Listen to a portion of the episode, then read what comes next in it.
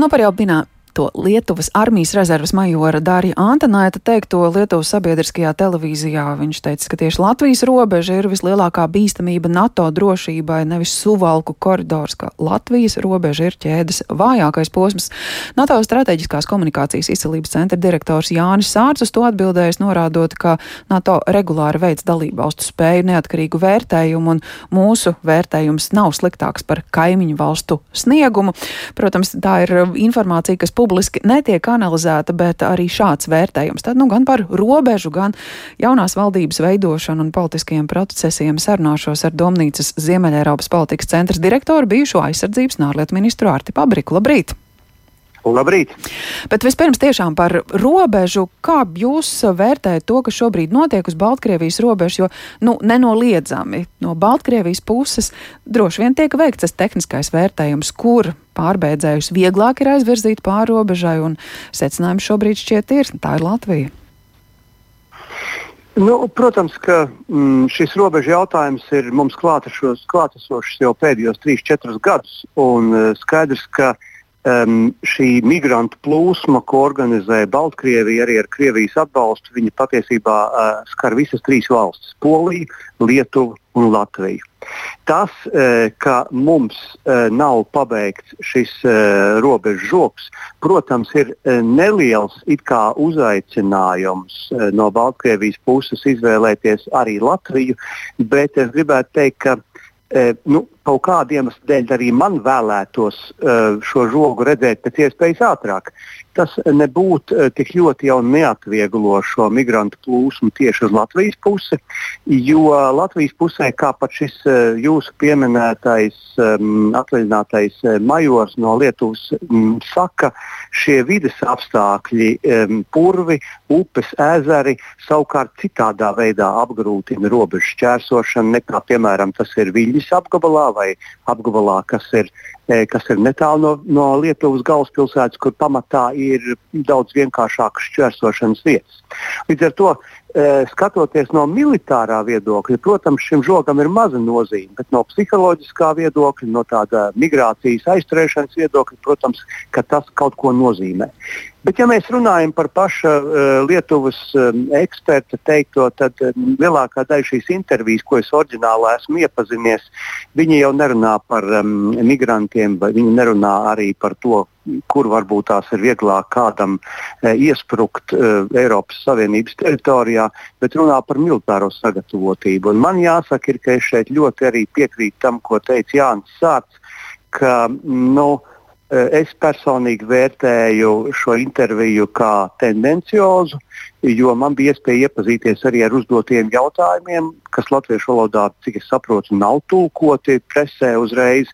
Un man šķiet, ka šeit Antanaitis ir vēlējies novērst. Um, vēlējies novērst varbūt, šo uzmanību no suvalku koridora, kas joprojām ir, manuprāt, viens no nozīmīgākajiem uh, militārajiem apdraudējumiem, jo tas pēc būtības E, ierobežo gan apgādi, gan arī Baltijas valstu aizsardzību militāru uzbrukumu rezultātā.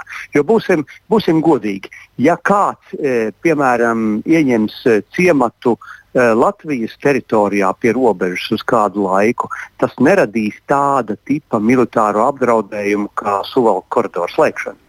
Un tas nu gan ir jāsaprot. Bez tam, eh, ja es varu vēl paturpināt kopumā par Baltijas reģionu aizsardzību, tad eh, ir pilnīgi skaidrs, ka tas ir jāredz kompleksā.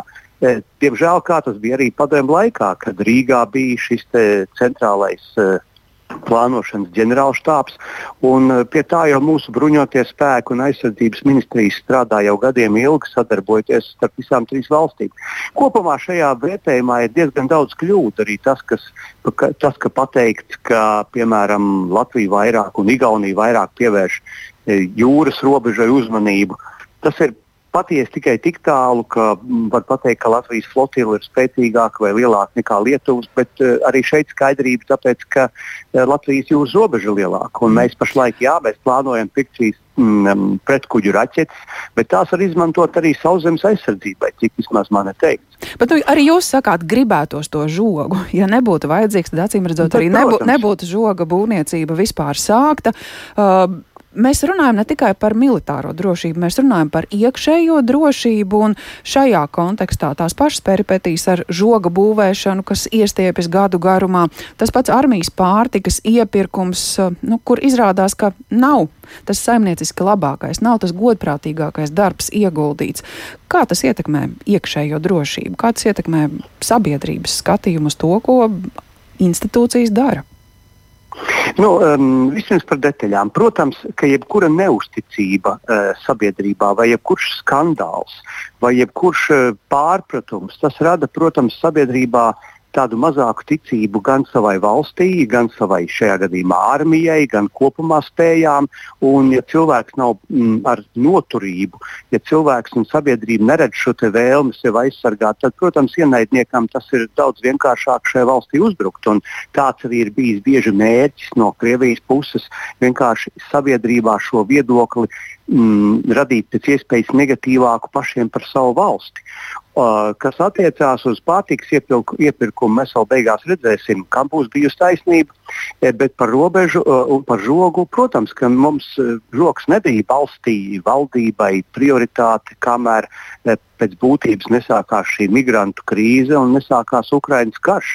Un pašlaik, diemžēl, mēs neesam spējīgi to veikt efektīvi un ar šādām lietām, teiksim, apdraudējuma apstākļos tikt galā, jo uh, mūsu tas ir mans vērtējums, protams, mūsu valsts pārvaldē bieži dominē process, kā galvenais elements un nevis rezultāts, eh, kas būtu kādreiz jāsasniedz. Un tas mums, mums ir jāmaina mūsu politiskajā domāšanā, tā attieksme pret darbu. Iespējams, kaut kas arī mainīsies, jo procesu, valdības nestabilitātes procesu arī šobrīd krietnu laiku ir bijis iespēja vērot gan pašiem politiķiem, gan, gan arī sabiedrībai. Nu, valdība formāli ir kritusi, tiek veidota jauna. Kā jūs raugāties uz to, cik, cik rezultatīvs tas process varētu būt? Redziet, jaunās valdības veidošana ir principā joprojām sekas iepriekšējiem politiskiem procesiem. Jo mēs jau nevaram teikt, ka pagājušā gada vēlēšanas uh, viņas uh, nedēva zināmu skaidrību par to, cik stabila un kāda varētu būt valdība. Un šī valdība, kas uh, tika izveidota pēc pagājušā gada vēlēšanām, pēc, būtībās, pēc būtības būtu varējusi strādāt arī nu, trīs vai četrus gadus. Uh, un, ko mēs redzam? Mēs redzam, ka E, šie deviņi, nu, astoņi, deviņi mēneši pēc vēlēšanām, kopš izveidojās valdība pagājušā gada 14. decembrī, nu, lielos vilcienos jau ir pavadīta e, runājot tikai par to, kā varētu šo valdību pārveidot. Neviens jau netraucēja pieņemt kaut kādus efektīvākus lēmumus vai kaut ko darīt. Līdz ar to uh, tie mēneši ir zaudēti, diemžēl. Neviens vairs nerunā par to, ka mēs varētu apdzīt Igauniju vai apdzīt Lietuvu. Principā nu, šis lielais mērķis ir zaudēts. Tā kā atliek vienīgi cerēt, ka izveidojot jauno valdību, lai kurš nu būtu premjerministrs, vai kas būs ministri, ka mēs spēsim tomēr izvirzīt lielākus mērķus valsts attīstībā. Jo mums ir jābūt, es vēlreiz gribētu uzsvērt, mums ir jābūt e, orientētiem uz rezultātu, ne tikai uz procesu. Jo, jo process visu laiku notiek, komats tiek likti, papīri tiek veidoti, bet sasniegumu nav. Nu, kaut vai tas pats e, salacgrīvs tilts arī tāpat tās kā robeža. 12 gadus mēs nespējam vienoties par to, kurš izremontēs šo tiltu lai arī pilnīgi skaidrs, ka, ja iet lielā automaģistrāla, tad tai ir jāietver sevī arī tās teritorijas, nu, kas iet cauri pilsētām. Nu, 12 gadu garumā šis birokrātiskais mezgls nav vienkārši pārcirsts. Um, Igaunija aizrāda, cerams, ka šis jautājums sakārtosies un cerams, ka arī tā mūsu virzība mēģinot uh, panākt Igaunas un Lietuviešu, to skaita ekonomikas uh, jomā, būs sekmīgāka, izveidojot jaunu valdību, atrodot piemērotu premjeru. Evikas Siliņas kandidatūra, spriežot arī pēc tā, kas šobrīd notiek dažādās mediju platformās, kur uh, viņa tiek nu, nomelnota, vai tas nozīmē, ka viņa ir ērta vai neērta un nevēlama kandidatūra jaunās valdības vadītājas amatā? Es domāju, ka um, Erika Siliņa, diemžēl, šeit tiek izmantot vienkārši kā tāds nu, mm, papildus mērķis, kas simbolizē kopumā varbūt vienotības, varbūt šīs e, valdības um, politiskās spējas pašlaik. Jo nu, man personīgi vienmēr ir uh, bijusi ļoti negatīva attieksme pret jebkādiem šādiem personīgiem pārmetumiem. Tas, protams, neizskatās uh, smuki, kas pašlaik notiek attiecībā uz potenciālo ministru prezidenta kandidātu. Bet vienlaikus ir, protams, jāpasaka, ka šie uzbrukumi droši vien turpināsies, kamēr nebūs skaidrības vispār, kuras partijas šo koalīciju veidos. Un kāds būs šis e, partiju iekšējais sadalījums? Un, lai kā mums gribētos novērst uzmanību uz daudz un dažādām blakus lietām, tomēr šīs valdības, nu, vai ja esošās vēl valdības krišana un jaunās valdības veidošana ir bijusi saistīta ar prezidenta vēlēšanām, ir bijusi saistīta ar politiskiem solījumiem, un uh, tas ir radījis uh, divas lietas. Ir bijusi spēja vienotībai ievēlēt prezidentu, bet vienlaikus radījusi arī politisko un valdības nestabilitāti, ar ko bija jārēķinās.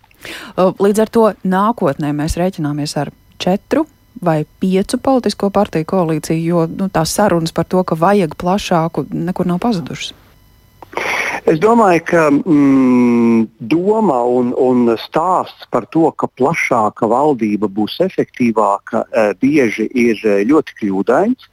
Tas vienkārši ir ticis izmantots, lai varbūt attaisnotu to, ka virkne lietas varbūt nav Eh, gājušas tik raiti un lēmumi nav bijuši pieņemti un rezultāts nav bijis sasniegts tik raiti, jo uh, piecām partijām uh, nekur nav teikts, ka piecām partijām ir vieglāk sastrādāties valdībā kā trijām. Un tie izvirzītie mērķi, teiksim, izglītības sistēmas sakārtošana, veselības sistēmas sakārtošana, nu nav jau redzēts, ka šaurākā koalīcijā tur būtu bijušas kādas uh, dramatiski izteiktas lielas iekšējas pretrunas. Līdz ar to man šķiet joprojām, ka galvenais ir bijušas šīs prezidenta vēlēšanas, un, protams, tam ir jārod attaisnojums. E, es uzskatu, ka piecu partiju koalīciju šeit e, neizdosies izveidot, vai tā būs triju vai četru partiju. Redzēsim, tas būs atkarīgs no m, sarunu partneru tādas politiskās pieredzes un noturības, e, bet e, ir skaidri redzams, ka e, teiksim, vienotības premjerpartijas tas mērķis ir bijis izveidot valdību ar progresīvajiem un ar zaļiem un zemniekiem, ar kuriem teiksim, pirms gada vēl, protams, nekādas sarunas no viņa puses nebija iespējams. Līdz ar to e, tās sarkanās līnijas pašlaik ir pārkāptas. Jūs pats uz šiem procesiem raugāties kā domnīcas vadītājs vai kā aizvien aktīvs politiķis, ņemot vērā, ka ar Latvijas attīstībai esat saistīts? Es eh, nevaru lūkoties kā aktīvs politiķis, jo, protams, ka eh, kopš pagājušām vēlēšanām nu, eh, mūsu partija, un es pats arī neesmu vairs nevienā pozīcijā, bet tīri analītiski, protams, ka man līdzi nāk tā pieredze, kas man ir bijusi gan iepriekšējās valdībās, gan arī ar konkrētām partijām un personībām. Un dažreiz tā var būt, kā jūs sakiet, ar izteiktu palīdzības zīmi, bet dažreiz, protams, var arī traucēt, jo es pazīstu šo cilvēku veidu un domāšanu, kā viņi pieņem lēmumus. Un tas ne katram, varbūt tādam no analītiķim no malas ir zināms, bet konkrētā gadījumā man jau visvairāk interesē tas, lai mums tiešām būtu būtu efektīva valdība, kas skatītos, eh, kā sasniegt rezultātu, nevis meklētu komatus un punktus eh, dažādos attīstības plānos. Jo nākošās eh, lielās nacionālās vēlēšanas jau ir tikai pēc trīs gadiem, un šajos trīs gados mēs varam ļoti daudz izdarīt laba un arī varam neizdarīt neko. Paldies par šo sarunu. Domnīcas Ziemeļa Eiropas politikas centrs direktors, bijušais aizsardzības un ārlietu ministrs Ārts Pabriks, sarunājoties par politikas procesu.